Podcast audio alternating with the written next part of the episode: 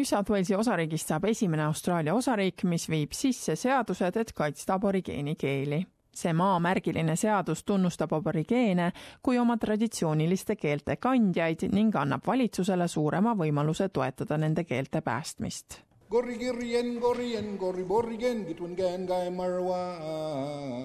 nii kõlavad traditsioonilised helid Dunghuti keeles kõigest mõnikümmend aastat tagasi oli keelatud selliseid aborigeeni keeli nagu Dunghuti rääkida või laulda kuid nüüd püüab New South Walesi valitsus seda kahjut heaks teha ning viib sisse seadused, mille eesmärk on neid keeli kaitsta ja taaselustada.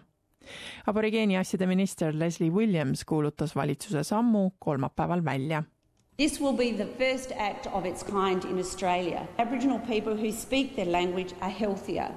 Aboriginal children learning an Aboriginal language do better at school, and that language renewal strengthens communities seda sammu on mitmed keeleala juhid, nende seas Virajuri hõimu vanem Stan Grant Senior, kiitnud.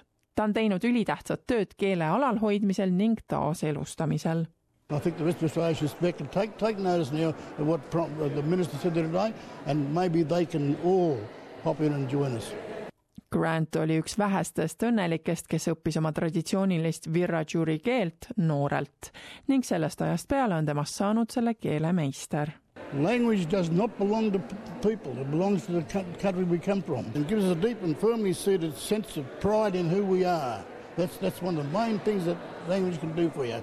Moorbi aborigeeni keele- ja kultuuriühistu tegevjuht Gary Williams on oma traditsioonilisel maa-alal New South Walesi keskpõhjarannikul keeleõpetaja.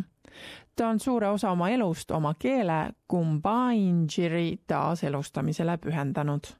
We at Moorbi uh, acknowledge in our dictionary the people who were the inspiration for the organisation, uh, and and they said we don't want our language to die, and want want the young ones to know our our stories as well, and we're we're basically uh, uh keeping up that what what they asked.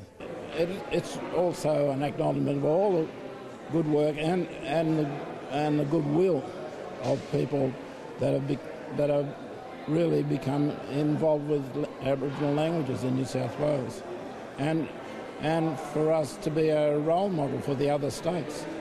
Osariigi valitsus töötab koos keeleekspertidega ning laiema kogukonnaga, et välja töötada seaduseelnõu, mis järgmisel aastal parlamendi ette viiakse.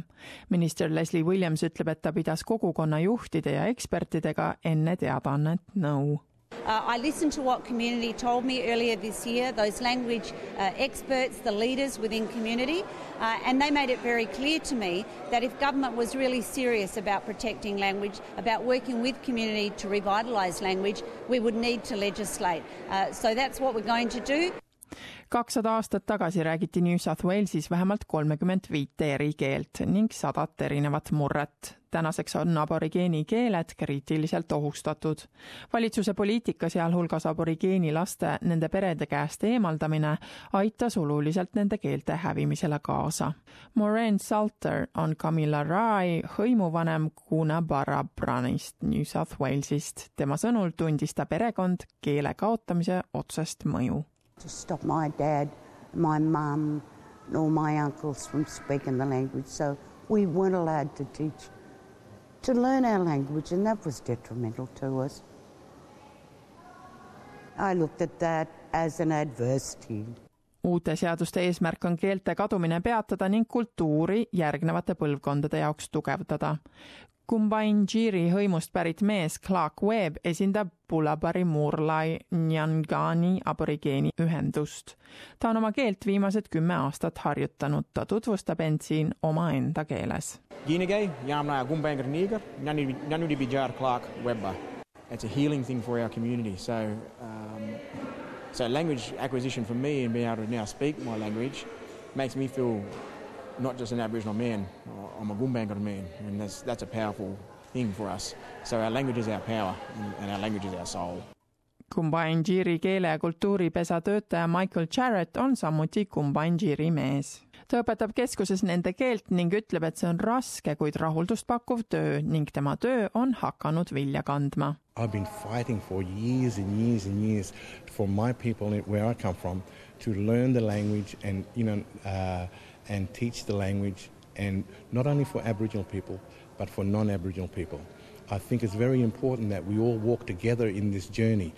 Language is, for me, language is who I am. Yeah. SBS-i telekanalil ning NITV-s algab teisipäeval, kahekümne üheksandal novembril kell pool üheksa õhtul teine hooaeg auhindu võitnud seeriast nimega First Contact